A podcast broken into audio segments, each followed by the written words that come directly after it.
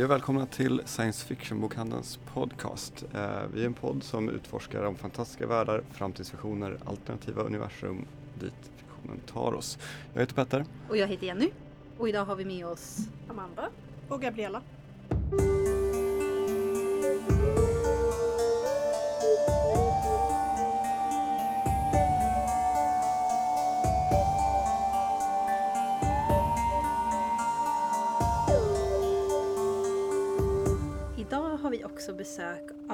Marcus Nordin och Filip Fjällström som arrangerar en Silent Hill-konsert i Södertälje i oktober, 12 oktober närmare bestämt. Just det, Jag och Jimmy pratar med dem. precis. Och det kommer eh, slutet av programmet. Precis. Men eh, först så ska vi prata med Amanda och Gabby om Worldcon, årets Worldcon i Dublin. För ni var där, eller hur? Ja, det var vi. Det var jättekul. Det var jättekul. Det var min första. Jag klarade mig undan Concrudden.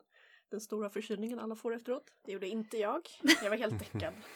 Och i år var det på Irland, eller hur? Ja. Hur märktes det? Ja, eh, som många sa, jag har varit i Helsingfors också för två år sedan. De flesta Worldcon är ju i USA. Det är alltså världskongressen i science fiction, men precis som den här baseballligan de har i USA så döptes den till Worldcon innan den liksom blev internationell. Men de har försökt eh, flytta ut mer i resten av världen. Nästa år är det Nya Zeeland. Och det här var en av de största Worldcon som de har haft hittills med över 6000 besökare. Ja, vi kanske ska ta det som en eh, lite snabbt. Vi har ju pratat om Worldcon förut. Ja. Men det är alltså eh, den stora science fiction och fantasymässan. Är det? Eller kongressen. Kongress. Som hålls varje år och som delar ut Hugopriset i flera olika kategorier. Just det. Och det är inom fantastiken som vi säger på Precis. svenska. Vi har ett väldigt bra ord för det. I struktur påminner den ju mer om typ läkarkongresser och så här fackmässor än, än Comic Con som är, ett stort, det är en stor mässa. Man springer runt och så kanske man träffar kändisar. Här är även kändisarna besökare, Mm. utom så här fyra hedersgäster eller någonting. Så är alla andra har betalt inträde från George Martin till den mest okända lilla person som ingen vet vem det är. Vad gör man på Worldcon då? Vad har ni gjort? Jag spenderade den första dagen med att gå på jättemånga paneler. Ja. Men som ni säger så var det extremt många besökare. Så det var jättelånga köer. Och första dagen, då var det ändå torsdagen. Det var inte så mycket jämfört med resten av dagarna. Men ändå så hann jag bara med tre paneler. Eller fyra kanske. Jag kommer inte riktigt ihåg. Allting bara flyter ihop för det var Ja. så mycket. Och det var jättesvårt att köa för det var på två olika ställen. Det var dels den här Congression Center, Convention Center menar jag. Och sen var det på en biograf som de hade hyrt. Ja, Det som gick då, inte att köa ordentligt. Alltså, det blev bättre. Alltså första dagen var väldigt kökon. Eh, Jag var på paneler hela tiden i stort sett. Men eh, de, de ritade upp, det var som så här löparbanor ungefär. Att här köar man till det här rummet, där köar man till det rummet och sen kom någon och hämtade hela lilla kön. Ja, Eh, det blev bra faktiskt efter ja. den tiden. Men det var, det var ju väldigt mycket köande. Ja. Ja. Kom du inte en timme innan så kom du inte in. Men var det liksom på. armbågar som gällde? Eller Nej, var det folk, är lugnt? väldigt, folk var väldigt artiga. Det var mest det var förvirring. Torsdag och början av fredag plågades av att folk stod ibland på fel ställen. Mm. Eh, sen har ju vi lite en fördel då med att jobba i bokhandeln här. Så att jag bara strök alla paneler där Joe Abercrombie och Scott Lynch och George Martin skulle sitta och berätta någonting. Eh, för det... Man kan titta på dem på Youtube. Nej, inte på Ja. Youtube kanske, men... Jag tänkte jag tar det när de kommer på signering här.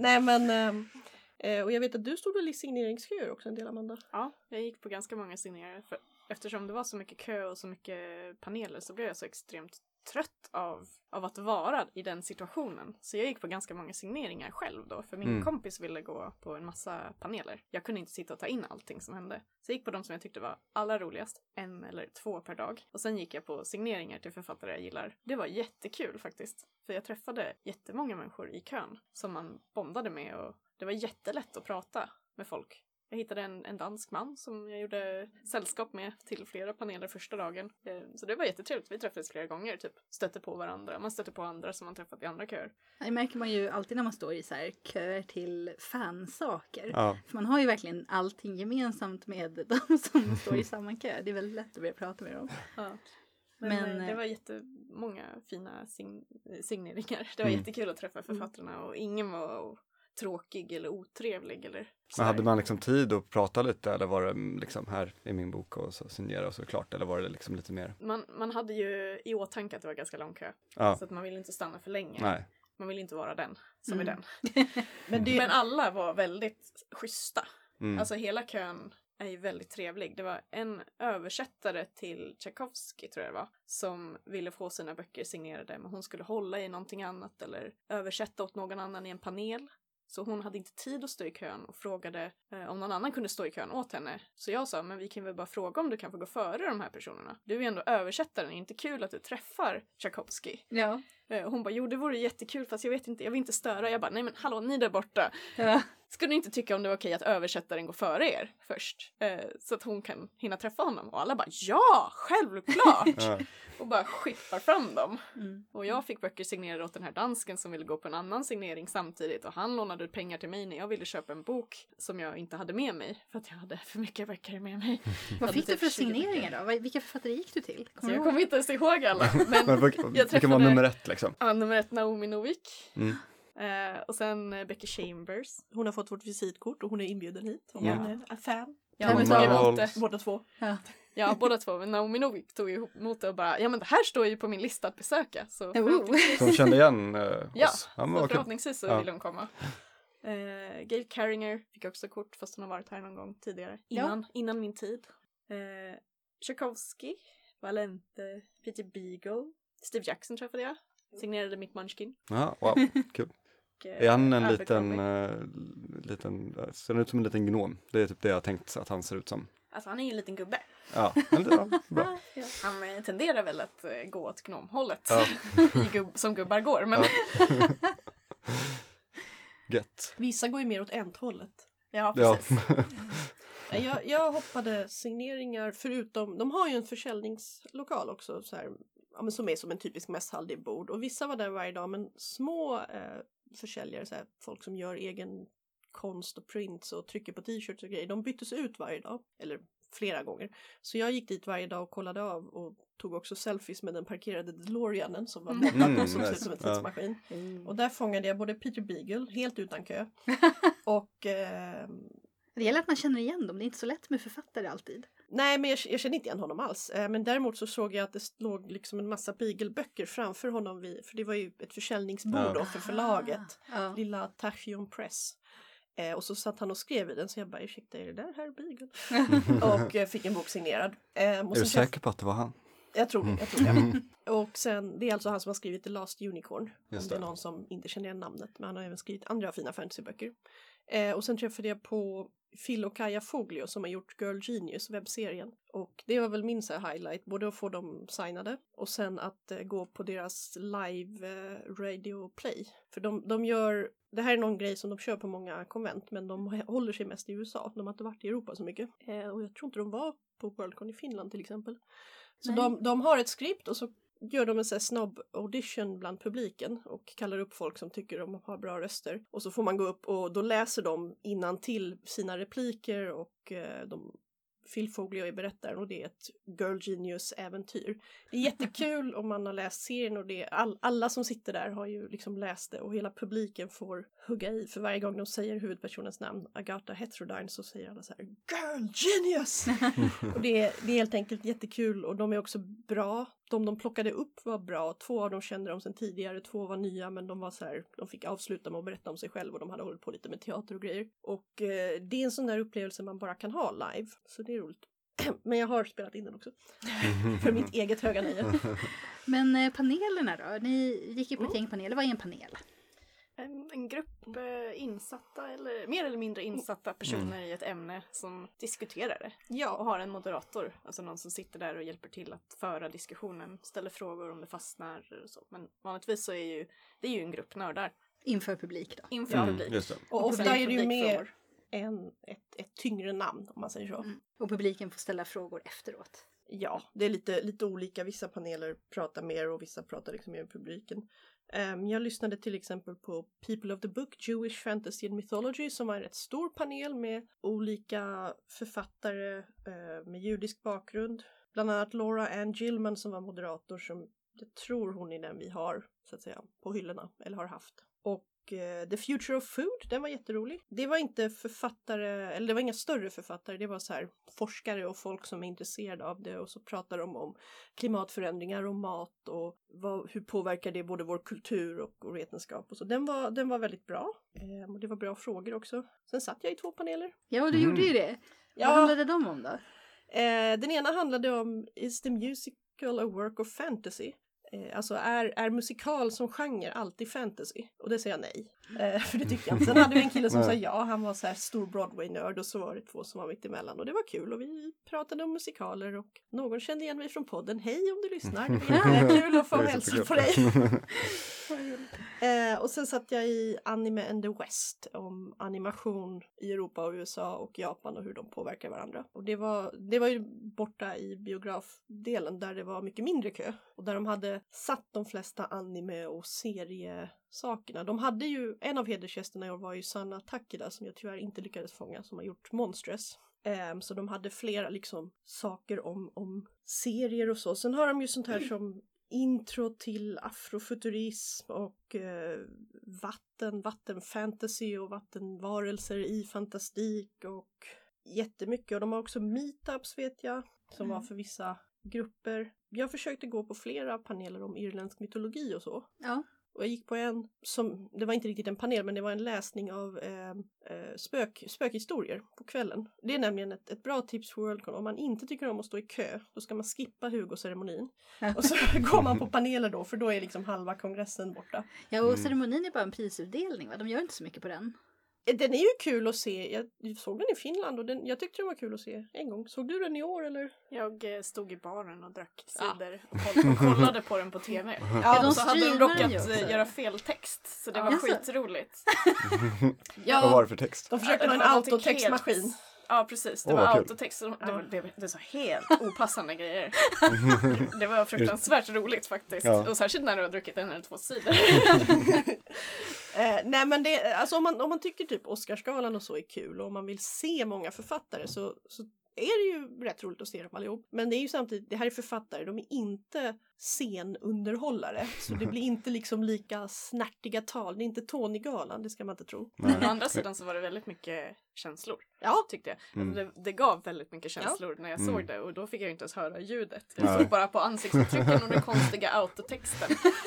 Men eh, folk var ju extremt Mm. glada och rörda ja. och stolta över sig själva och det var jättefint. Ja. Det var många kvinnor. Och i år så hade de ju då, igår fick ju fanfiction, nej vet du, fanfiction-arkivet Archive of Our Own ett pris. Och då, Ja, det var det- Naomi Novik som tog emot det, för det är Naomi Ah. Novik som är, hon är en av de grundarna. Just det. Och, eh, och hon var liksom med från starten och är fortfarande med delvis i det. Och då tände de ljuset och så bad hon alla som finns där eller är delaktiga eller har jobbat med det att ställa sig upp och få applåderna. Mhm, ja, fint. det var Var det många som jättefint. ställdes upp? Ja, det var väl, jag såg inte själv men jag hörde att det var näst, en tredjedel till hälften av Ja. publiken Nej, ändå. Ja.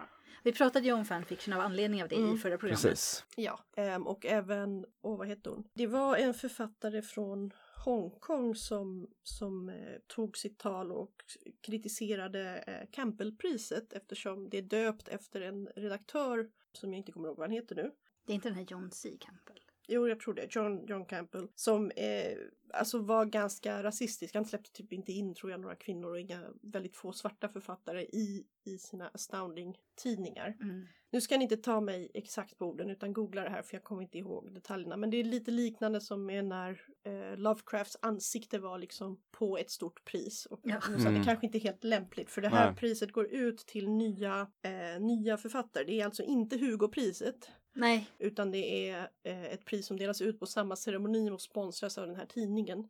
Mm. Och hon tog upp hur det är ett problem och det här är en diskussion som har pågått längre men det var liksom det som fick bägaren att rinna över och folk eh, sa att ah, men nu tar vi bort nu tar vi bort hans namn och vi döper om det till tidningen för att det arbete han gjorde var är ändå värt att uppmärksamma och den tidningen lever kvar idag i annan form. Men det går inte att förneka att han liksom undanhöll många platser. Så ibland, ibland blir det mer dramatiskt än tacktal och tårar men det är mycket, mycket sånt. Men de har bytt namn på priset nu? De ska eller? göra det till De ska göra det, okej. Mm. och det får då namn efter tidningen som han var redaktör Astounding Award for Best New Writer. Astounding. Mm. Fancy. Ja, det är också, jag tror det är ett av de som innehåller pengar eftersom den här tidningen sponsrar. Hugo-priset är ju annars en snygg raket. Ja. Mm. De paneler som jag tyckte var roligast att gå på, eller de som jag valde att gå på, det var när jag hade kryssat i allting jag var intresserad av, då var det 240 olika grejer. 240. Ja, För visst får man en, eh, man laddar ner en app och där kan man liksom klicka i allt man vill gå på så att man får liksom en slags överblick. precis. Man, man får välja ut. Man ser vilken tid det är, vart det är och sen så måste du beräkna kötiden Ja. och hur det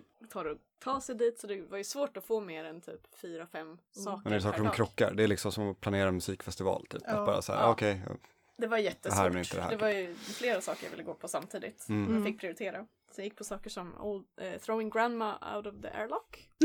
Mm. Som handlar om eh, äldre kvinnor i science fiction böcker. Hur många de finns, det är typ 31 stycken eh, de senaste 100 åren som kvalificerar som äldre och stor roll. det var jätteintressant. Så gick jag på The Sapphic eh, Renaissance som handlar om lesbisk SFF. Som också var superintressant. Eh, såklart så behövde jag gå till eh, So You Want To Build An Evil Empire. Mm. Var det instruktions, det var mer så här stegvis. Precis. Ja, en, en del paneler är inte så här jätteseriösa. Och en del är verkligen liksom, nu det här är mitt akademiska paper som jag ska förklara. Och, andra och så. är bara ett gäng roliga författare Ja. som träffas och eh, berättar hur de skulle göra om de skulle bygga ett Evil Empire typ. In, Och jag- Inte visa planerna för eh, The Death Stars eh, Airlock. Nej. Jag kommer inte ihåg vad den heter men jag, jag hoppade över panelen om rymdsex och alien babes och så för att jag hade hört um, Ian Watson tror jag han hette, en äldre herre som tillsammans med sin fru var både med i panelen och hade den på Swecon förra året. Jaha. Eller liksom körde det snacket och det var väldigt roligt men jag tänkte jag behöver inte höra det två gånger. Mm. Eh, så att det är ju också, det är därför det blir så mycket köer i Europa. För i USA så är det mycket, det är stammisar. Mm. Och de har ändå hört de här grejerna. Eh, och i Europa så är det väldigt många nya, väldigt många förstagångs och andragångskonventare. Så det betyder att i framtiden, åtminstone i cirka 20 år, så måste alla Worldcon vara i Europa. Ja. Bra att de lägger i Nya Zeeland nästa gång då. Just Ja, det. det, folk tror ju att det kommer bli väldigt eh, bra för att i och med att det är så långt bort så kommer det bli färre. Så det betyder att du kommer kunna komma in och så är det liksom Nya Zeeland och ja, Det är bara hobbitar. de som... Ja. Ja. Å andra sidan vill man ju åka till Nya Zeeland och Ja. till Ja. Hobbiton. Men jag tänker typ, exakt, men jag tänker väl att de flesta typ nördar har väl gjort det redan och åkt och inte så, tittat. men det är inte så billigt att åka Nej. Nej. nej, nej, det, är, Det nej, kommer bara inte. bli de som har lite bättre ställt. Eller bor i Australien. Eller bor i Ja. Australien. Det- det Ja, kan ju eller, eller som bor i Nya Zeeland. Ja, jo men jag tänkte också det kan ju bli något så här att det kommer jättemånga nya fans från Australien och Nya Zeeland. Ja. Och bara, Eh, kan också bli, nu är inte de så bra på engelska men det är många japaner som åker till Mm. Australien också för det är inte så långt för dem. Det, för min, det, det var ju en japansk eh, delegation där, eller man ska säga. Också en kinesisk. Eh, och den kinesiska gruppen ville ju ha, de vill ha Worldcon i Chengdu. Som deras slogan är inte bara pandor, men deras logga är en panda i den heter. Ehm, Men de, de bjöd på en annan del som är en tradition i Worldcon, nämligen parties. På kvällen så är det mycket grupper som ordnar fester. Och det kan vara fransmännens första fest, eh, för Nice vill ha Worldcon också så här 2023, 22 någonting Mm. det var lite besvikelse. Det var, det var inte ens vin, det var typ Jag hörde öl. att vinet tog slut. Ja, Av Oj då. den där dansken som vill, han ville gå på fester med mig. Jag var Mm. en liten gumma som ville gå och lägga mig. Så jag kunde gå upp på fler paneler dagen efter. ja, men det var en fransk fest och det var jättelite vin och så var det så här Pringles chips. Jag Hade bara, vi vad är inte det här? Nej, Va? Nej, men kineserna och japanerna ordnade också fester och då var det i, Japan så var det teer, alltså så här, eget te och eh, roliga japanska snacks med Doraemon och eh, liksom en liten typ utställning med söta saker som hängde på väggen och Självklart japanska det det. bokomslag. Ja. Och i Kina så var det jättemycket konstigt kinesiskt godis som alla åt och sen Ja. de hade någonting vitt som såg ut och smakade ungefär som sött eh, isoleringsmaterial. Så folk tog en tugga och bara Mm. du måste du inte dricka! eh, och eh, DC, alltså staden DC i, Mm. Stock- i USA, de har fått nu för näst, nästa år. Ehm, och de körde på lokala grejer så de köpt irländska chips och irländskt öl och vin och allt vad det nu var, cider. Vilket är fine, men, men Mm. Pringles alltså. Från Nej, Frankrike. det- Ja. Men deras Lite nästa fest hörde jag, de hade två, då hade de ost. Då hade de Tagit till sig tagit sig. Ja. kragen. Ja. Ja. Men ehm, de här partyna, är, det finns en massa både privata, alltså där, där man måste träffa någon som bjuder in en och sådana som bara är öppna. Mm. Och de hoppas ju då, de här som vill ha ett Worldcon, att man röstar på dem. Mm. Men man kan gå dit och smutsa lite vin ändå. Men då är det att man har en biljett till Worldcon och så får man en, en biljett Ja, det- till det är festen inne också på då, kongress. Liksom. Nej, Ah, det är nej, typ- okej. Stå i kö eller höra någon, jag tror, är det Abercrombie eller någon som brukar ha någon sån här chili-fest. Och då ska man snacka med honom och så säger han, har du tid imorgon? Eh, och så fanns det George Martins eh, Hugo Losers fest där de hade hyrt Dublin-bryggeriet. Där var det tydligen lite kaos i år för det, det var liksom fler som fick inbjudan än som kom in. Ja, oj då. Eh, på något sätt, jag förstår inte riktigt men De kanske hade beräknat fel när det gällde typ brandregler eller någonting.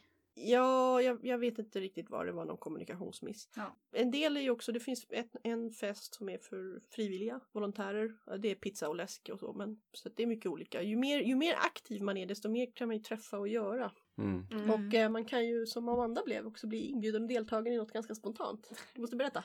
Ja, alltså till skillnad från Gabby så åkte jag ju dit som bara gäst. Mm. Men eh, på en av signeringarna, då har de ju flera författare bredvid varandra. Och så såg jag att Miles Cameron var där och han har skrivit boken Red Knight. Som jag inte har läst klart än, men jag tycker den verkar jättespännande för jag älskar svärd.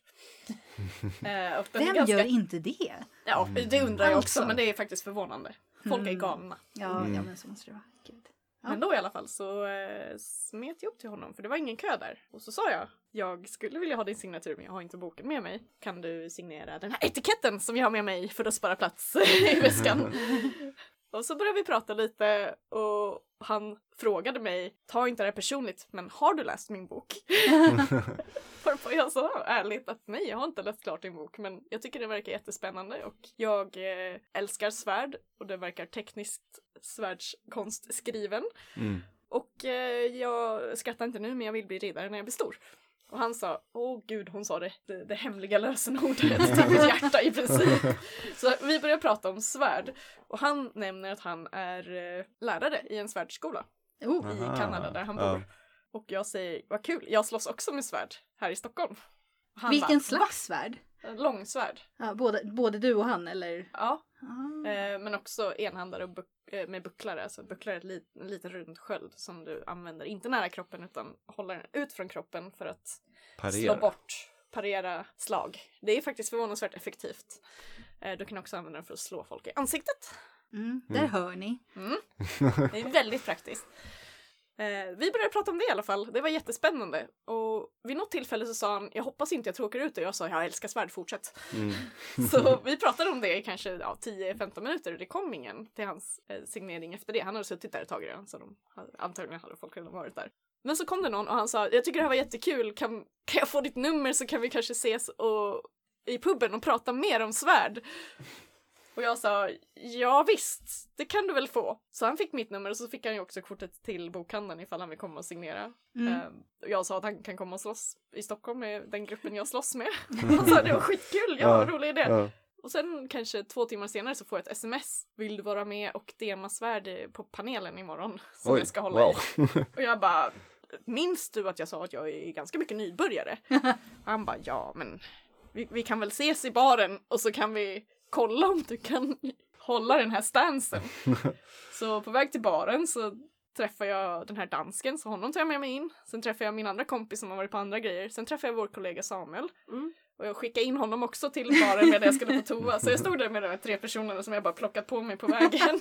Och sen kommer Miles Cameron och hälsar på alla väldigt snabbt och intensivt och han är jättestressad och så pekar han på mig och typ bara okej hur mycket nybörjare är det? Och jag sa väldigt mycket nybörjare. Han bara kan du? Och så räknar han upp en sorts eh, ett dokument som finns från forna tider om hur man slåss. Och jag sa min grupp träffas mest och slår varandra eh, utan några dokumentshjälp. Så eh, han eh, tyckte inte att eh, det var sådär jätteförtroendeingivande. Nej. Men min kompis sa att hon är väldigt bra på att ta instruktioner och sa han, ja stämmer det? För jag har förlorat ett halvt finger tidigare när någon inte kunde hålla, hålla igen. Och jag sa, jo men det är jag. Och så fick jag stå där i baren och göra låtsas svärdsrörelser med honom framför alla svärd. människor. Utan svärd. Det såg Mm. väldigt märkligt ut efter tre sidor Man får ta med sig svärd in i baren vet du. Nej. Ja, Inte ens där på Irland. får det. Jag Nej, inte. jag tror man får lämna dem i, så här, i entrén. Paraplyställe. Precis. Så vi, han sa, ja men det här duger. Vi eh, kan ses en kvart innan panelen imorgon i trapphuset. Då får vi öva med riktiga svärd. Alltså riktiga träningssvärd då, då, inte skarpa. Men de är i metall. Mm. Och då var det långsvärd. Stora tunga liksom. Mm. Mm. Ja, så de, de är ganska tunga, man blir trött. Mm. Så då eh, träffar jag honom i trapphuset. Vi står där och han ska lära mig The Woman's Guard. Vilket jag upptäcker är ju en guard som jag har använt. Jag visste bara inte vad den hette. Nej. Jag har lärt mig genom att vara med mina svärdskompisar liksom och få blåmärken och typ okej så där ska man inte göra. Så skulle jag slå och han tyckte det gick helt okej men jag, jag gjorde inte riktigt rätt. Jag satte inte riktigt linjen precis där han ville. Så han bara okej men när, när det blir det riktiga då får du ta det här tyngre svärdet. Jag vet att det är tyngre men det är längre. Jag vill att vi ska ha ungefär samma reach. Så när jag tar det och slår med den han bara du slog ju mycket bättre med det här. Då vågar jag inte säga att det är ju det svärdet som jag har hemma. han bara Are you very strong? Blir man av att släppa böcker? Ja, Precis precis. vad jag sa, jag bara Ja. well I do work in a bookstore, I carry books all day. så han bara ah yes, you're quite fit.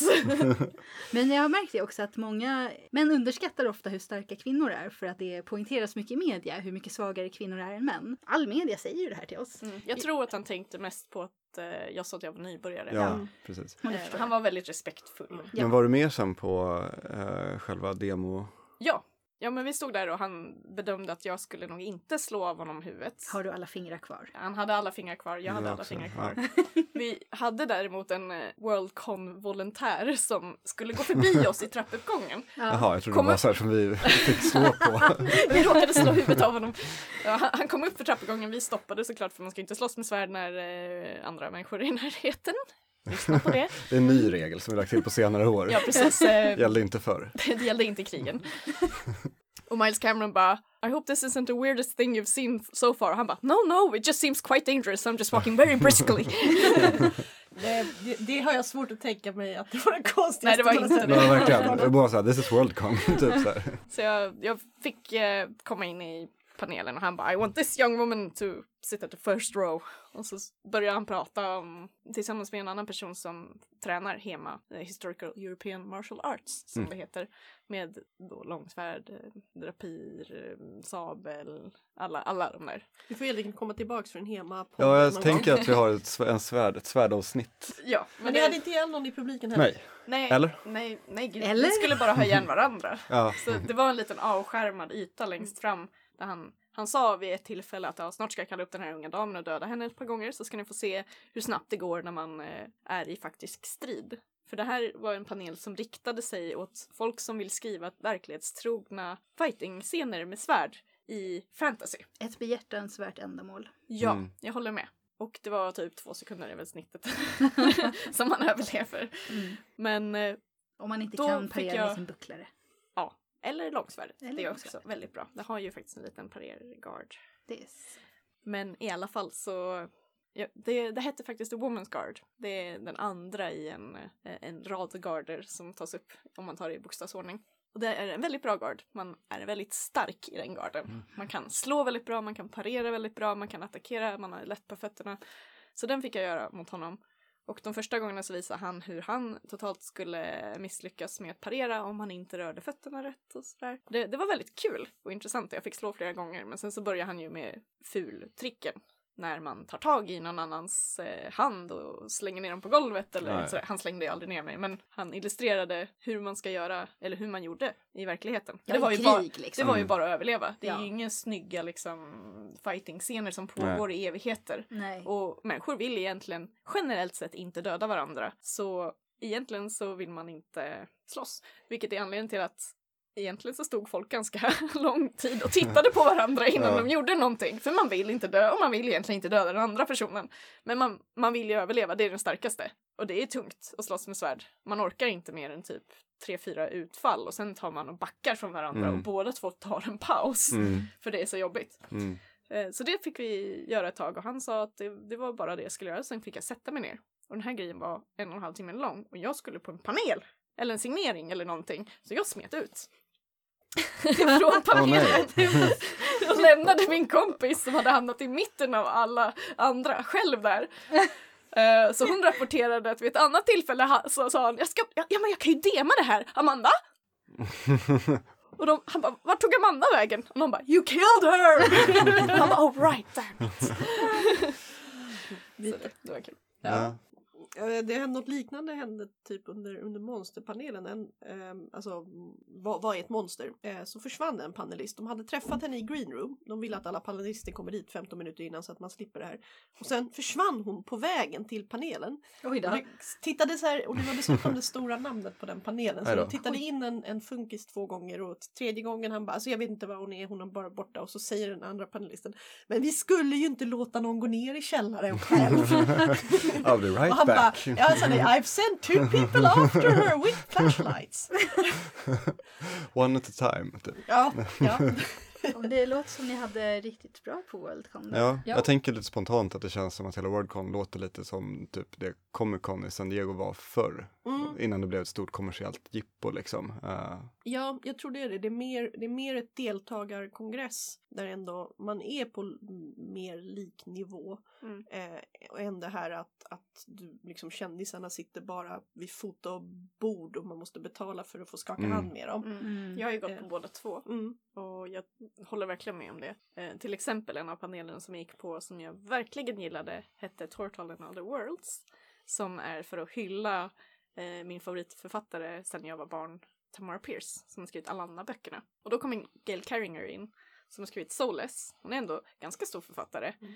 Hon bara glider in som en eh, paneldeltagare och börjar prata med oss som sitter längst fram. Och det var bara så här, totalt avslappnat om Tamara Pierce. Ja, vilken karaktär skulle du identifiera dig med? Och sådär. Det var ju extremt stor skillnad från Comic Con. Ja. Där, eh, ja.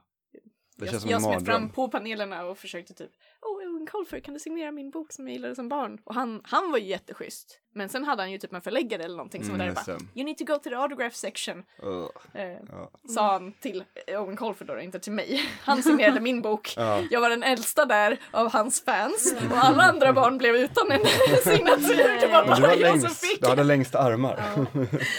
Nej, det, det, just förläggare och så, det är ju ibland funkisar som bara okej, okej, nu får ni inte be om, så här, nu måste de gå Ja. för folk har tider att Mm. passa. Men Det men det är mer Det är en annan grej. samma, man är lite mer tillsammans och, och man kan vara med. Jag tycker, jag tycker de är jättekul. Sen är det bra också om man är, är blyg att det händer så himla mycket så man behöver inte prata med någon. Man kan bara gå i paneler och stå i kö i liksom fyra dagar och sen stupa i säng. Mm. Eh, Men om man inte gillar det så kan man också gå runt och prata med folk. Och det finns, det finns en massa workshops och jag vet att Samuel satt ju i flera spelrunder. Mm. Mm. ehm, där är både författare och spelutvecklare och så som demar spel och spelar. Och, Mycket rollspel också. ja, och mycket historisk dans och så här historisk kostymering. Och de hade eh, Martha Wells har något Raksura Project, alltså det är ett, ett slags resande konstprojekt där folk som stickar och virkar bidrar med en bit för att skapa ett träd Mm. som Och det är hon som har-. Det är hon som har skrivit eh, de här eh, böckerna om The Murderbot. Ja, det här är hennes Första- äldre böcker. Ja, precis. Ja, Första heter Ja. All Systems Red. Den Just är jättebra. Mm. Den fick jag också signerad. Oh. Ja, och, och så är det en konstutställning också sådär. Så det, men det är mycket, man kan liksom göra saker om man är intresserad av det. Jag kan bara varken rita eller sticka. Så att, Jag förstår att ni gärna vill åka tillbaka på ett annat Worldcon. ja. Jag Vi får- också. Pusha för att eh, kom, få det till Sverige. Ja. Ah, jag trodde du tänkte Stockholm. säga vi ska pusha upp för att vi får åka dit med Ja, bokhandeln det när de vore är också. i Nya Zeeland nästa år. Alltså, jag vill Det är- verkligen åka till Nya yes. Zeeland. Men Dota TI, VM i Dota kan man säga. Är det samma? Det kommer ju till Klocka. Stockholm. Okej, vad är det? Tioårsjubileumet. Vad är Dota? Dota är ju en, eh, ett dataspel. Som En e-sport, den största e-sporten. Skitstort. Och Mm. eh, TI är då den största tävlingen. Men visst måste det stå för någonting? Dota. Dota. Eh, det Ja, står för... Defense of the Ancients. Yes. Ah. Och det började som en mod till Warcraft 3, Ja, eller hur? Ja. precis. Men det kan vi prata om när. The International kommer hit om ett år ungefär. Ja, det Då kör vi ett avsnitt om det. Ja, Då har vi en plan. så jävla taggad. Ja, yes. Ja, men, Men, eh, vad kul. ja, Mm. toppen. Jättekul att ni kom hit och snackade lite. Ja, Ja, sådär. vi fick ta del av er lilla ta del av er fantastiska upplevelser. Yes. Så har man inte tid och råd med Nya Zeeland nästa år så är det USAs Washington. östkust. Ja, Yay. Mm. eh, året efter. Och efter det vet man inte. Eller? Nej, det kommer bestämmas i Nya Zeeland. Så här. Det, det bestäms Ja. på liksom två Ja. Worldcon innan så de har tid att planera. Ja. Eh, hoppas på Frankrike. Mm. Ja, det vore skönt. Det det vore nära Deras oss. slogan var så här Nice, we have sunshine. And wine. det är ju perfekt. Ja. Ja, toppen. Ja, Ja. men då ska vi gå från eh, glädje till eh, Skräck. skräck. Och jag och Jimmy ska ta och prata med, med Marcus och Filip om Silent Hill, Silent Hill-konserten. Det kommer här. Ja, då sitter jag och Jimmy här tillsammans med personerna som arrangerar Silent Hill-konserten i Södertälje nu i oktober. Eh, vill ni presentera er och eh, berätta lite om er själva? Jag heter Filip Fjällström. Jag är musiker, spelentusiast, har spelat tv-spel hela livet och um, är dessutom spelmusikkonsument om man ser det, kan säga så. Har sprungit omkring på spelkonserter och med mera. Eh, Marcus Nordin, också musiker och eh, stor spelentusiast här också. Jag tror vi alla är det. Ja. Jag, jag är ju alltid med i det här programmet i stort Mm. sett. Men Jimmy, du är ju ny på, på planen. Ja, det är jag. Men du är också ett enormt Silent Hill-fan, eller hur? Ja, enormt, enormt Mhm. stort Silent Hill-fan. Mm. Har spelat allihopa, även de dåliga. Ja, jag har bara spelat, jag har sagt det flera gånger i det här programmet förut, för vi, alltså, det här dyker upp lite då och då det här spelet, för det är ju så bra, eller de är ju Mhm. så bra. Jag har bara spelat de tre första spelen. För att när jag var mitt i spel tre så flyttade min rumskompis och då var det slut med spelandet för att det var helt enkelt för läskigt för att spela själv. Så var det med den saken. Så att jag har väntat på ett nytt tillfälle som inte riktigt har uppenbarats igen. Ja. Men ja, det kanske är en självklar fråga då, men, men hur kommer det sig att ni arrangerar den här konserten? Och hur gick det till? Själva förproduktionen började i februari i år, men eh, faktum är att jag och Marcus har pratat om det här eh, vid flertalet gånger tidigare. Mest eh, på lite skämtsamt och oseriöst. Vi har väl fört det på tal och tänkt att det vore häftigt att hitta på någonting eftersom båda är fans av spelserien i sig och även musiken. Men eh, sen har det runnit ut i sanden. Man har, har väl sagt ja, men vi tar det någon gång. Ja, hej då. Men Mm. Jo, men alltså det har ju pågått under flera år säkert som vi har pratat om där. Men sen snubblade jag över det faktum att eh, första spelet firar eh, 20-årsjubileum i år. Så då sa jag till Marcus att det, om vi ska göra det här så är det, då är det nu eller aldrig. Och hur fick ni kontakt med eh, Akira Yamaoka? Så liksom, rent generellt, liksom, är det att han är ute och spelar nu för att det är just eh, jubileum? Eller var det att ni tog kontakt med honom? Han gör en del spelningar, men det, det är ingenting som han är ute och gör väldigt eh, som han promotar. Utan det, jag tror att eh, fans från hela världen får kontakta honom, vilket jag gjorde. Jag slängde över en förfrågan till hans eh, webbsajt. Ja. Så fick man svar. Och det funkade alltså? Ja. Det var ju fascinerande. Ja, faktiskt. Jag, jag, jag, jag trodde ju att Filip skojade när han sa att Akira hade svarat. Nej men alltså man hade ju inte jättehöga förhoppningar liksom. Nej, Nej. så här, för att Så. eh, han är ju upptagen liksom, Ja. att göra spelmusik och sånt där. Ja, absolut. Alltså det, det känns ju, vi som nördar kan ju sitta och eh, skriva hur långa mejl som helst, men någonstans så finns ändå den där. Ja. Att eh, man tror ju att han är väldigt högst upptagen och eh, man respekterar det. Så vi för, hittills har vi försökt hålla det väldigt kort och koncist och Mm.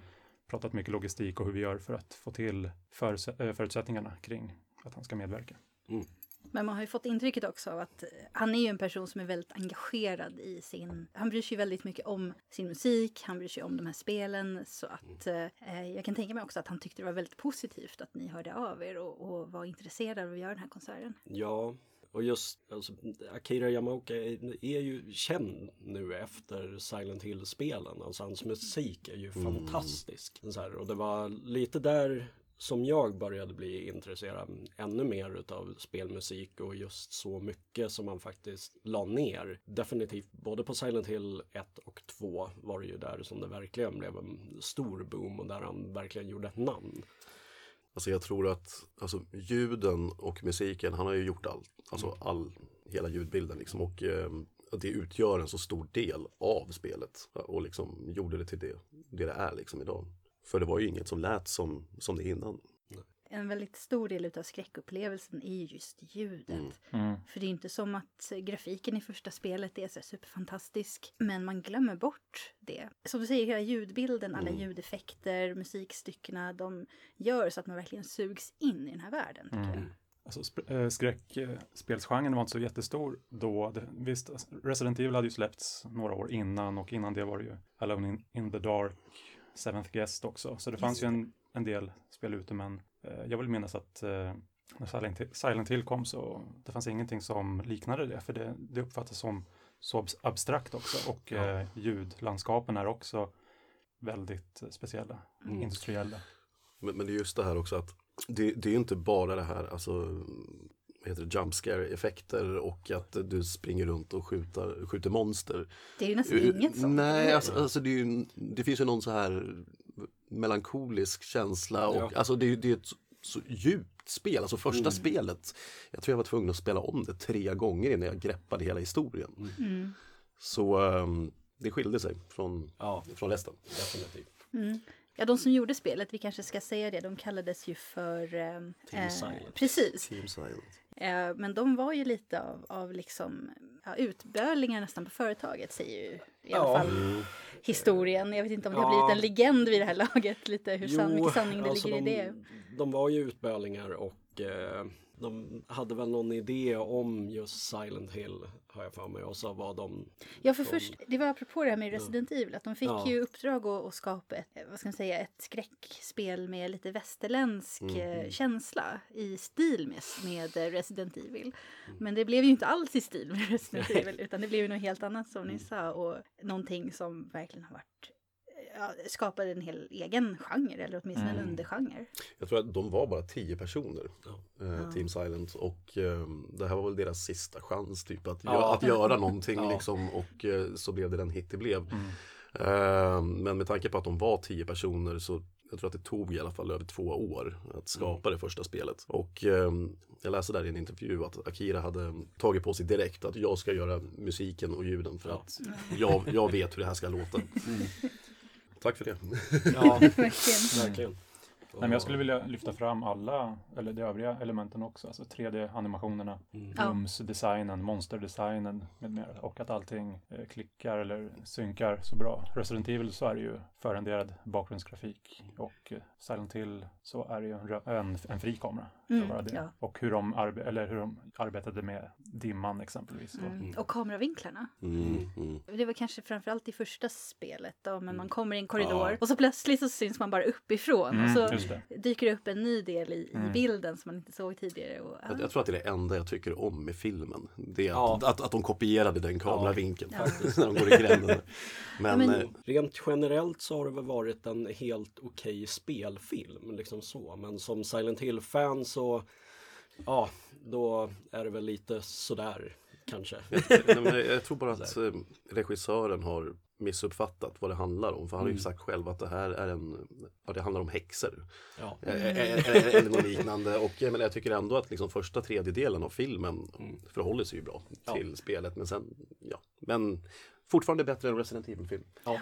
och vi kanske ska återkomma lite till vad spelen Mm. egentligen handlar om senare. Men för att återgå till musiken eh, så tänkte jag höra hur valde ni ut styckena till konserten? Och varför valde ni just det ni valde? Eller är det ni som har valt dem? Jag och Marcus har eh, skapat innehållet och när vi, vi försöker ju välja musik som vi tycker bäst representerar spelserien. Mm. Men fokus ligger på första, andra och tredje spelet. Ja, Mm. det är bra Det- för mig då som Ja. inte har spelat. Ja, men absolut. Och eh, jag ska väl erkänna att eh, efter trean så började jag lite på fyran, men då hade eh, medlemmar av Team Silent börjat hoppa av och eh, någonstans så kände jag av det. Så jag tog mig inte igenom fjärde spelet och eh, efter det så Ja, fjärde spelet var ju inte ens tänkt som ett Silent Hill-spel utan det skulle ju vara en ny titel. Mm. Men sen valde väl Konami att nej, men vi sätter den här, det här namnet på det så kommer det sälja. Mm. Och så skrev de, jag tror att de la in det här med Walter, eh, han seriemördaren. Mm. Eh, eftersom han hade nämnts i ett av de andra spelen så valde de att Precis. lägga in honom som eh, någon sorts av antagonist. ja, just det. Och Men det, du, du eh, Filip, du är ju musiker. Ja, det stämmer. Eh, så, eh, jag tänkte att du har ju då liksom antagligen en idé för hur du vill, eh, hur du vill lägga upp musiken och vilka instrument som krävdes och sådär. För det här är inte en symfoniorkester, eller hur? Nej, men precis. både jag och Marcus, vi, vi har ju varit noggranna med detaljerna och vi vill få rätt sound och vi, vi är ju med och utgör två femtedelar av bandet. Det är så? Ja. Vilka delar då? Ja, jag är trummis och Marcus är, och det får du Eh. säga. Vad du, Det är, jag spelar ja, piano, keyboard och eh, gitarr. Ja, precis. Så du är också musiker i alla fall? Ja. vi ska inte missa det. Nej, men då har vi valt att fokusera på låtarna från första, andra, tredje Mm. och eh, precis som du sa med uh, symfoniorkestern. Det, det, det, det är inte sån musik. Nej, det är ju, det är ju musik som är, som är skriven för uh, rockband kan man ju ja. påstå. Har det varit några instrument eller ljudeffekter som har varit svåra att efterlikna eller svåra att spela?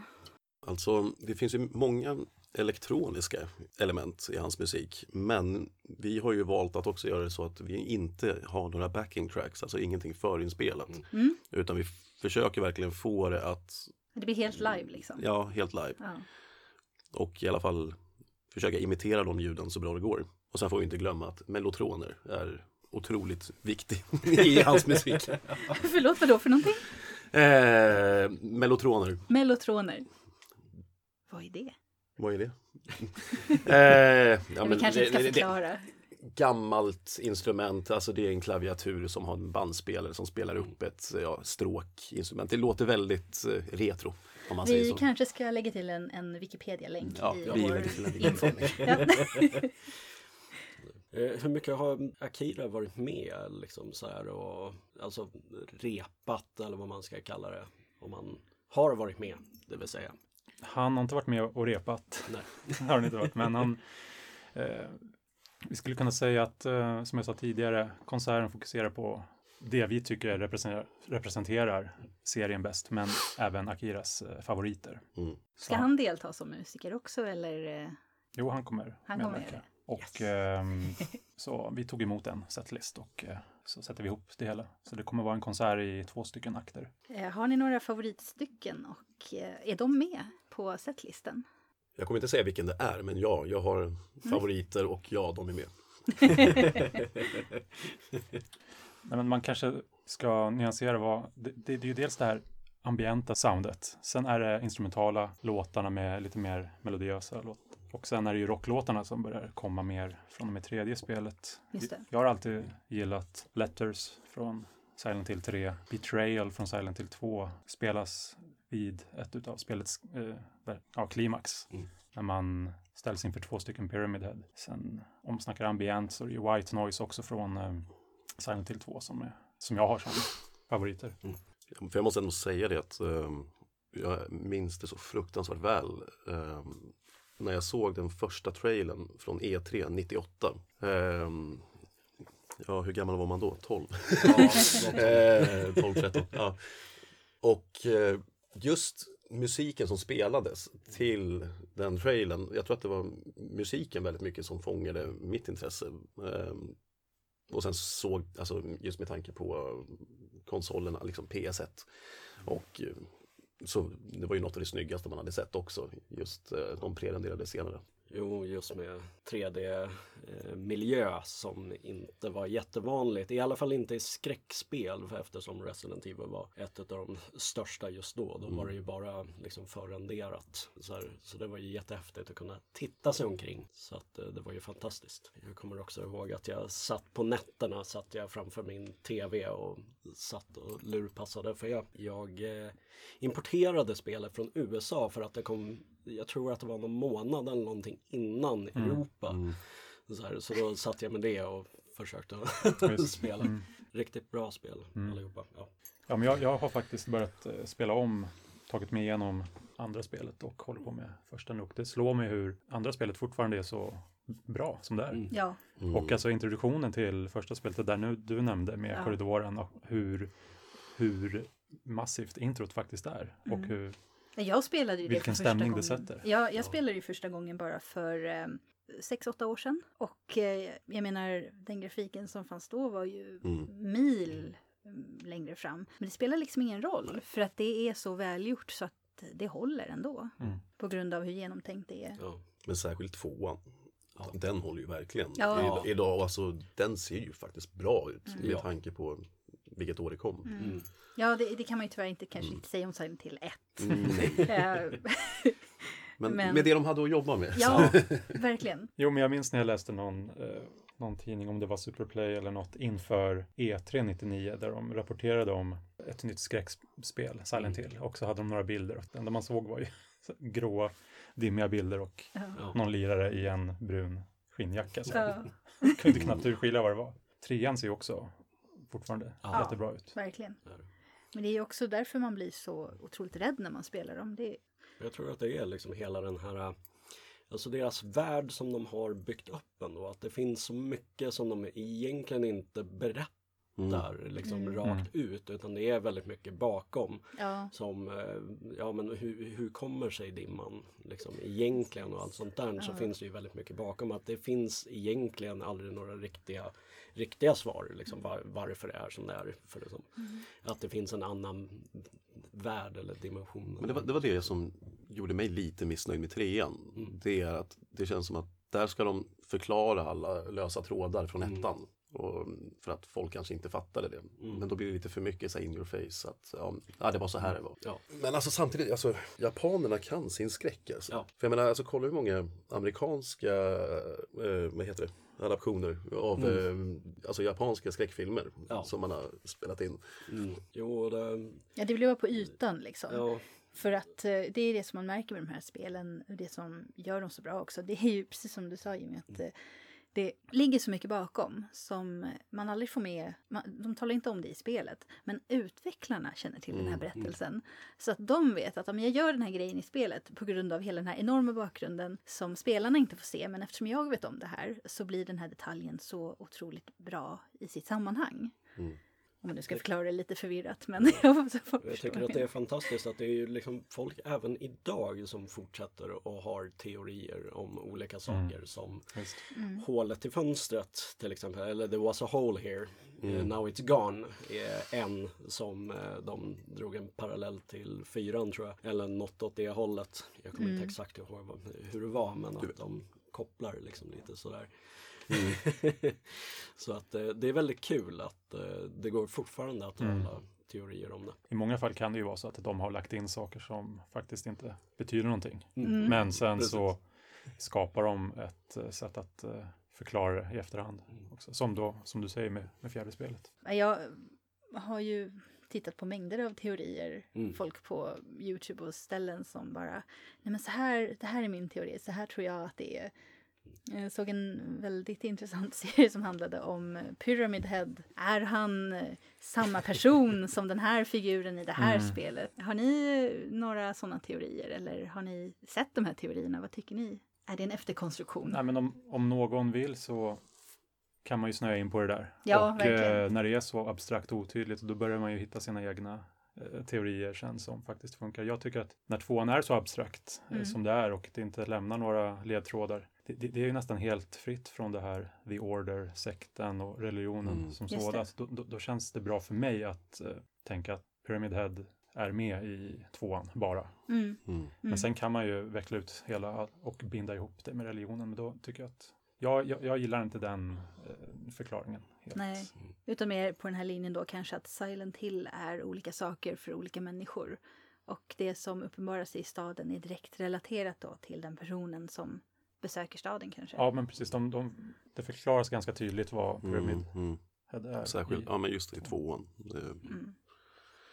Men jag känner igen den där teorin du pratar om också, att eh, det finns en gud i Silent Hill-religionen som Mm. sen har två stycken eh, tjänare. Och eh, då är det ju då Valve, öppnaren från trean och Pyramid. Head. Och, ja, nej, men det är ju, om man gillar den förklaringen. Ja, man- Så gör man det. så- så- Ja, nej, men det, det är ju, folk tycker att det är väldigt kul att göra de här liksom, ja men här kan jag se de här Ja. sambanden och så. Mm. Och, eh, ja, jag, jag tycker det är väldigt kul att man kan alltså, välja sin tolkning Ja. på det här sättet. Jag tycker att tyngden i Pyramid Head, alltså som manifestation, försvinner när Pyramid Head plötsligt uppenbarar sig i, jag tror att det är ett bad ending från något eh, av spelen efter. Då, Mhm. då blir man själv en Pyramid Ja, just Ja, just det.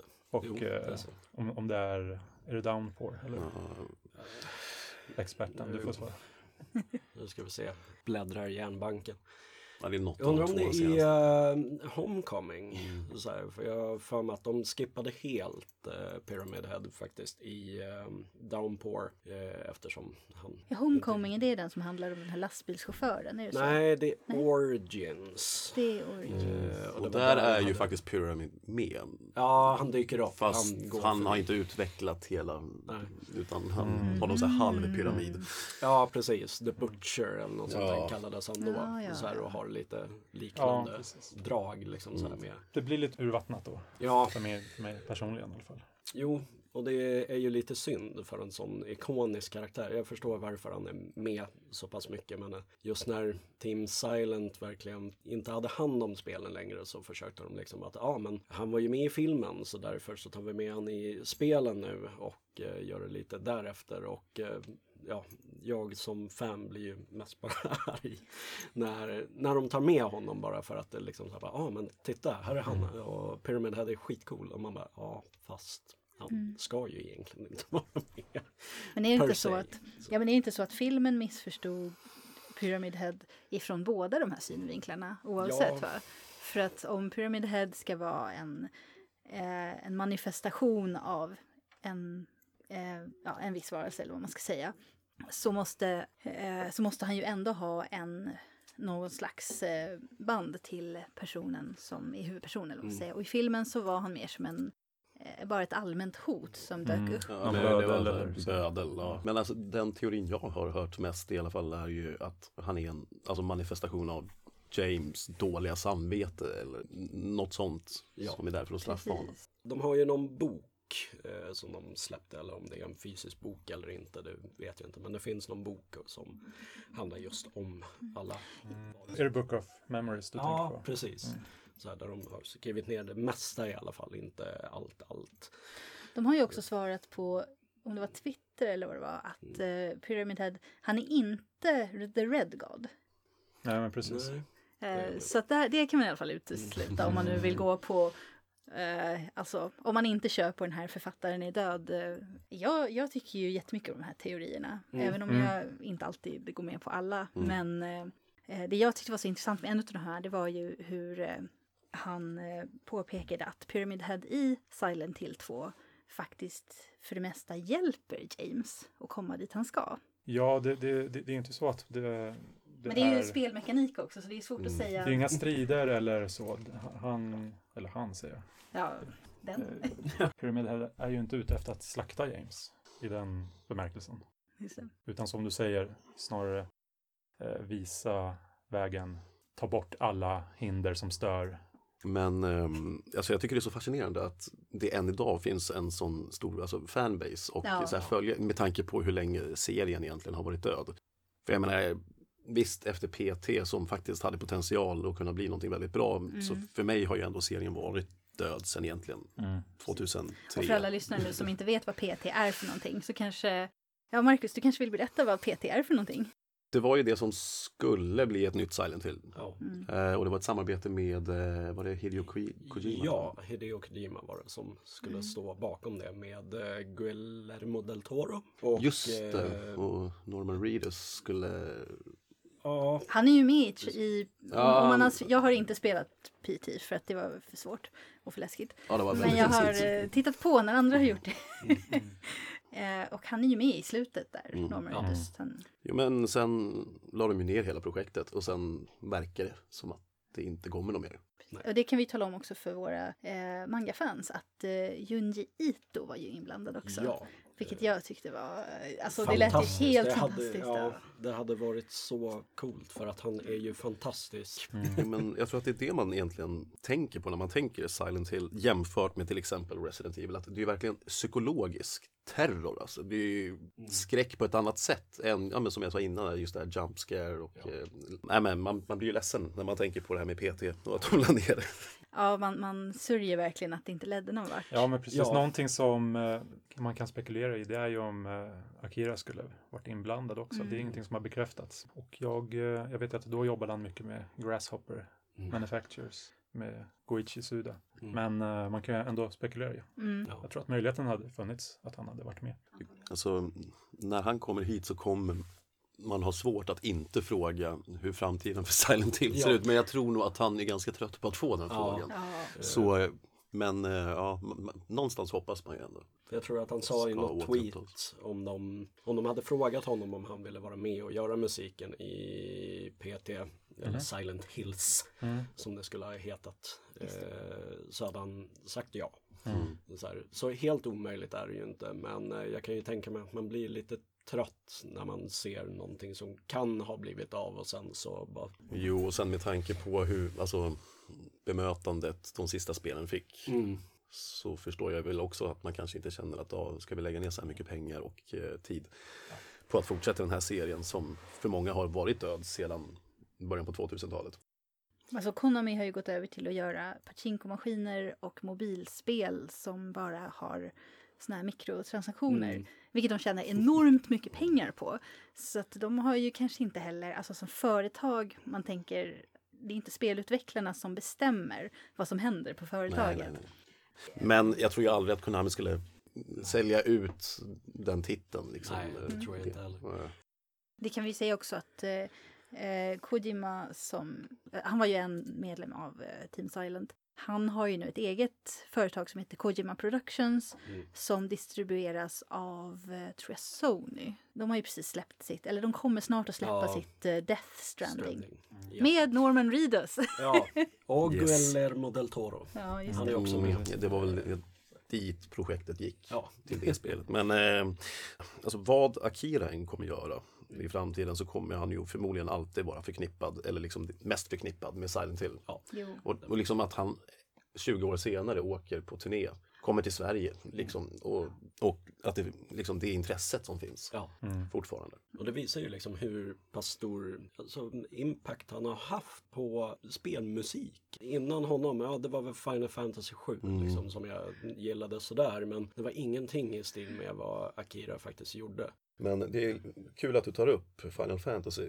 För att Uematsu som har gjort musiken till Final Fantasy-serien åker ju på turné hela tiden. Och eh, vi pratade om symfoniorkester. Där har du ju verkligen för ett konserthus. Och det är det som skiljer sig lite här. Att, eh, eller ganska mycket. Ja, Eh, just att det är så blandat. Just det här ambienta, elektroniska och sen ja, rock också.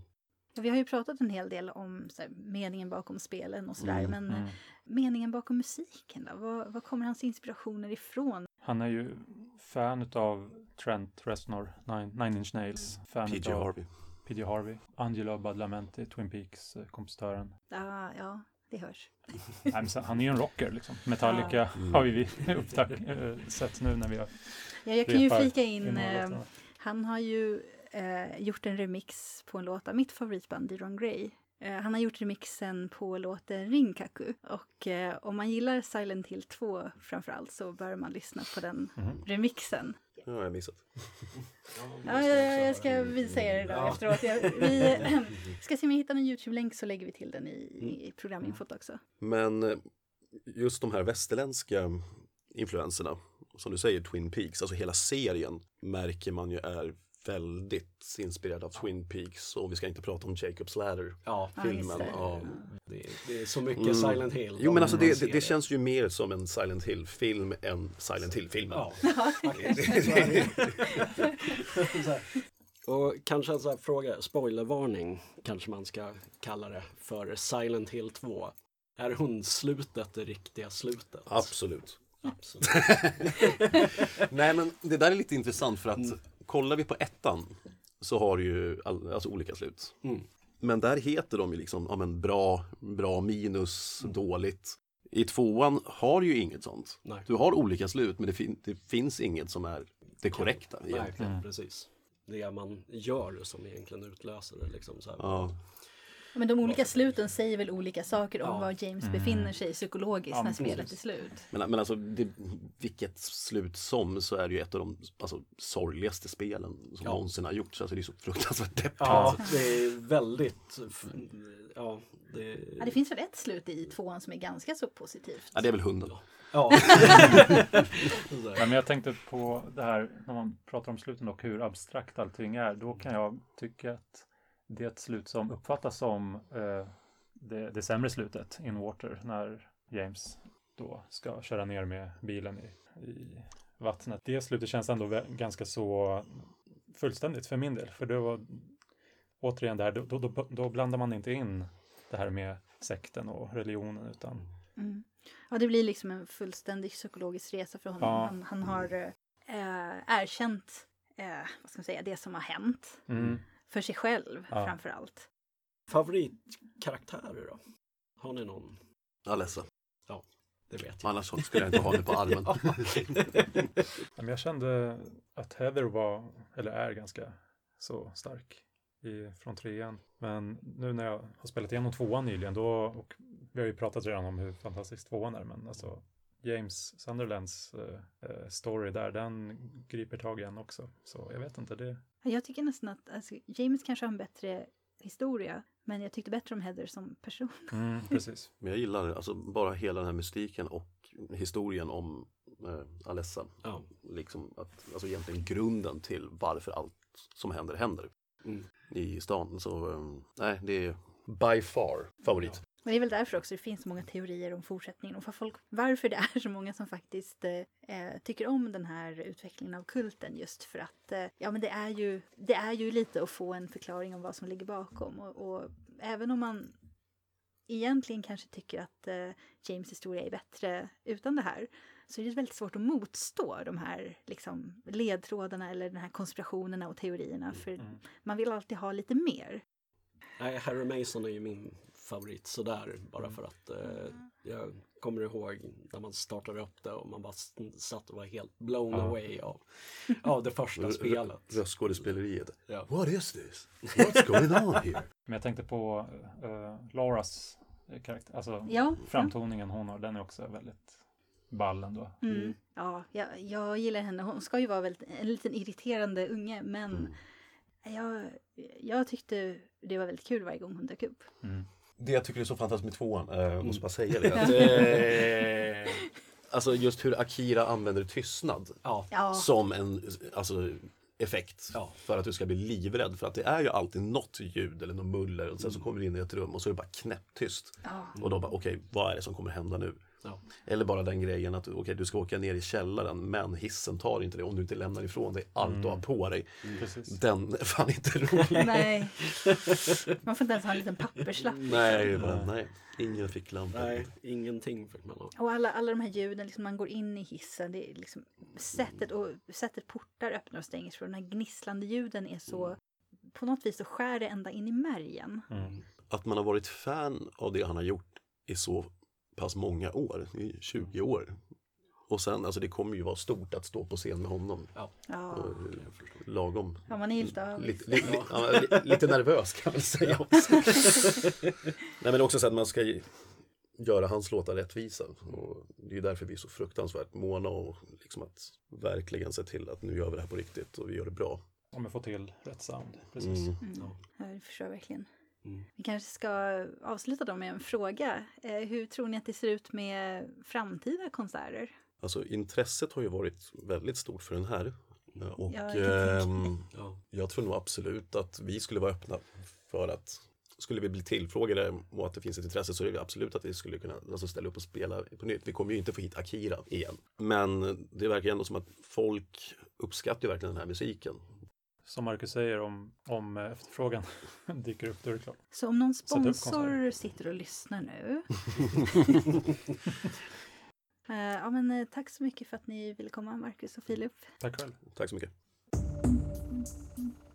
Det var allt för den här gången. Om ni har några frågor eller synpunkter så kan ni mejla oss på podd med två D, snabel sfbok.se. Yes, och vi finns även på Facebook och Instagram. På Facebook söker man på science fiction-bokhandeln för att hitta oss eh, och på Insta sfbok så finns vi där. Precis, och om ni går in på vår hemsida sfbok.se så finns alla länkar där också.